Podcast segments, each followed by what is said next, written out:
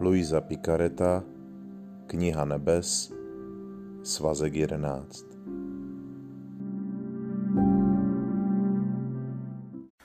Druhého října 1916 Účinky společenství v boží vůli Dnes ráno jsem přijala svaté přijímání tak, jak mě to učil Ježíš, tedy ve spojení s jeho lidstvím. Jeho božství a jeho vůlí a když Ježíš přišel, zjevil se mi, políbila jsem ho a přistiskla si ho k srdci. On můj políbek a obětí opětoval a řekl mi, má dcero, jak jsem spokojen, že jsi mě přišla přijmout, sjednocena s mým lidstvím, božstvím a vůlí. Obnovila jsi ve mně všechnu spokojenost, kterou jsem obdržel, když jsem sděloval sám sebe, a zatímco jsi mě líbila a objímala, protože v tobě byl celý já, obsahovala jsi všechny tvory a já jsem cítil, že jsem dostal polibek všech, obětí všech, protože taková byla tvá vůle, stejně jako byla moje při sdělování sebe. Vrátit otci lásku všech tvorů, i když mnozí by ho nemilovali. Otec ve mně vynahradil jejich lásku a já ve vás vynahrazuji lásku všech tvorů. A když jsem ve své vůli našel toho, kdo mě miluje, napravuje ve jménu všech, protože v mé vůli není nic, co by mi tvor nemohl dát, cítím, že miluji tvory, i když mě urážejí, a stále vymýšlím nové lsti lásky kolem nejtvrdších srdcí, abych je obrátil. Jen z lásky k těmto duším, které dělají všechno podle mé vůle, se cítím jako spoutaný, zajatý a přiznávám jim zázraky největších obrácení. Kdykoliv přicházíme zde do kaple, je to proto, abychom se modlili. Je to prostor, který je vyhrazen pro modlitbu. Sám o sobě nemá žádnou velkou hodnotu, ale díky modlitbě je nesmírně vzácný. Proto také Ježíš hovoří o chrámu a neobdivuje jeho mohutné stěny a stavby a ornamenty, ale říká, je to dům modlitby. To je na něm to nejcennější že se zde koná modlitba. Modlitba sama by neměla být především, nebo by měla být především čas určený k oslavě, chvále, lásce a díku vzdání Bohu. My jsme stvoření, abychom byli božím obrazem abychom eh, vlastně na celém svém životě, ve všem svém jednání, myšlení, slovech, skutcích zvěvovali Boží slávu. A výrazem tohoto zjevování je díku vzdání, vlastně vracení, jakoby odraz té lásky, kterou Bůh dává nám, milostí, útěch a všeho toho, co potřebujeme k životu, takže to vracíme jako zrcadlo zpátky Bohu. Ve formě oslavení, díku vzdání, chvál. Sama mše svatá je nazývána jako díku vzdání. A možná díku vzdání právě v té nejvyšší formě. Jestliže se v modlitbě si jednotíme s Ježíšem, a on nás sám zval k tomu, abychom to takto konali. Abychom ho pozvali do svých modliteb. Abychom dokázali říct, Ježíši, jak ty se modlil zde na zemi, ty se modlíš, já se modlím s tebou. Chci se modlit tak, jak se zmodlil ty. Vstoupit jakoby do Ježíše, jak říká svatý Pavel, oblečte se Ježíše Krista. Takže když takto vstoupíme do Ježíšova lidství, božství i vůle a jakoby odsuneme sami sebe bokem, je to pak modlitba, která už není jenom pouhou lidskou modlitbou, přestože zůstává někdy nedokonalá, někdy roztržitá, ale jménem všech lidí vzdáváme Bohu slávu a čest, lásku a úctu právě skrze Ježíše Krista. Otci. A to takovým způsobem, že v Kristu, který vlastně je dokonalý Bůh a člověk, tak je, napravujeme všechny křivdy, všechny urážky, všechny hříchy, všechny zranění, které člověk způsobuje Bohu.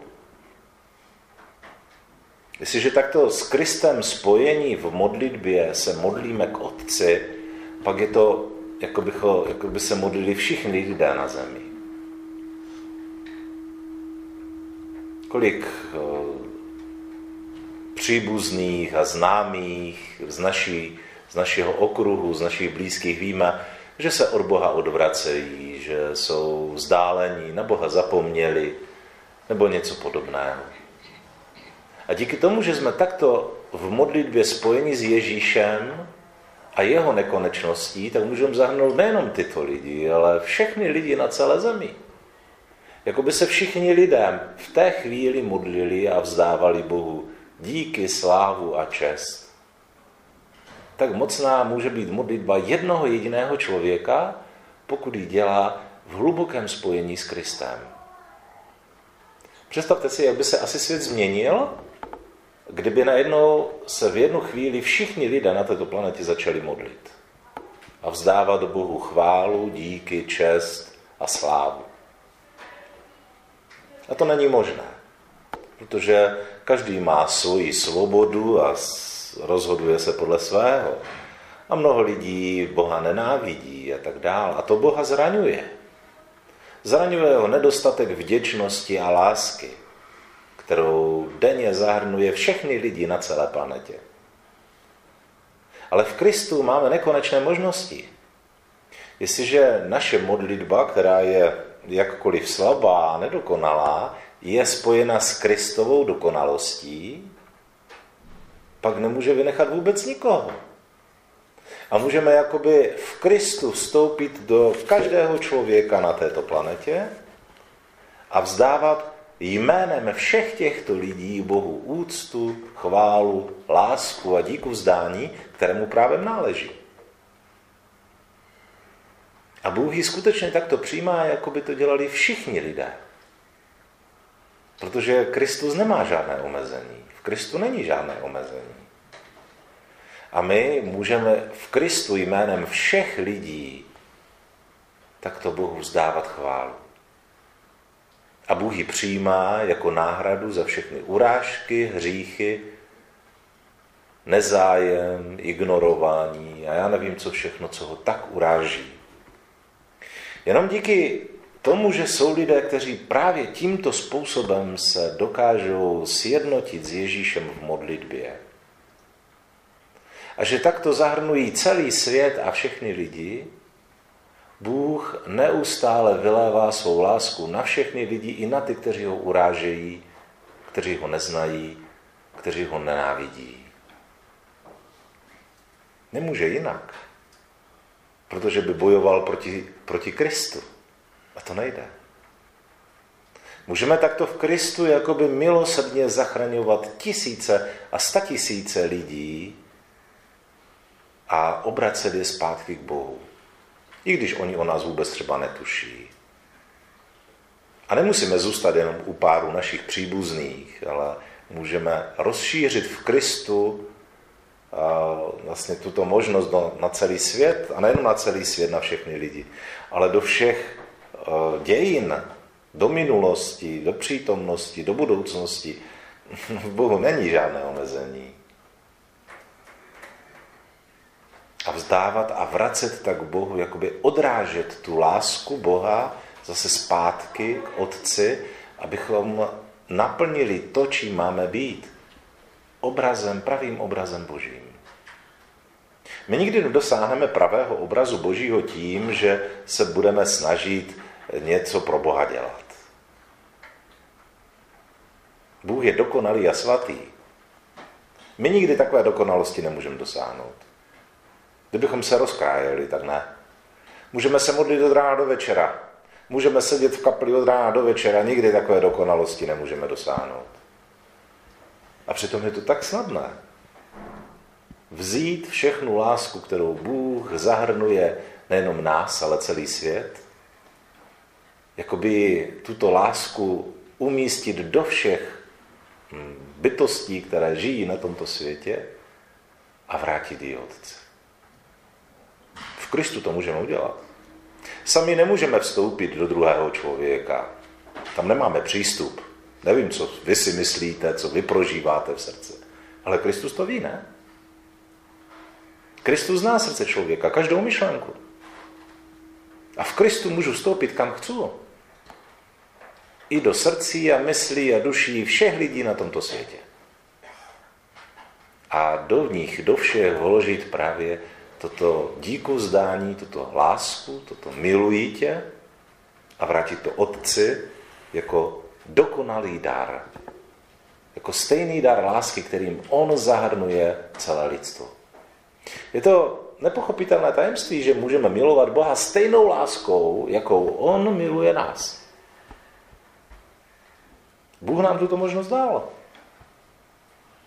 Veškerou dokonalou láskou, kterou Bůh miluje nás, my můžeme milovat Boha. A je to přece tak snadné. Vracet mu tu jeho lásku, kterou on dává nám. Jménem všech a za všechny lidi. Takže Bohu takto můžeme spolu s Kristem vynahrazovat všechny urážky, všechny, všechny smutky, všechny bolesti, kterým jeho lidstvo den ze dne stále zahrnuje. A jenom díky tomu, že Bůh nachází takové duše, které mu vrací tuto jeho lásku jménem všech a za všechny v Kristu Ježíši, Bůh může celé lidstvo stále milovat. A nezničí ho. Vlastně spolu s Bohem my zachraňujeme tento svět spolu s Ježíšem. Díky této naší malé službě v Ježíši Bůh uchovává tento svět. Když se díváme na události, které se dějí na Ukrajině nebo jinde ve světě, různé války, hladomory, tak si říkáme, kam to spěje.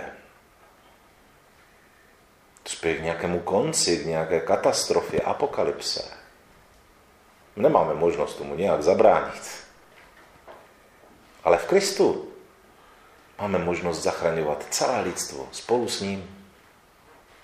Stačí se jenom jakoby obléct do Krista, vstoupit do něho, spojit se s jeho lidstvím, božstvím a vůlí a v něm mohu dělat všechno to, co dělá Kristus. A přinášet Otci chválu tak dokonalou, jaké bych nikdy nebyl schopen a jaké by lidstvo nikdy nebylo schopno. Využijme, využívejme této možnosti vracet Bohu dokonalou lásku, kterou On dává nám. Amen.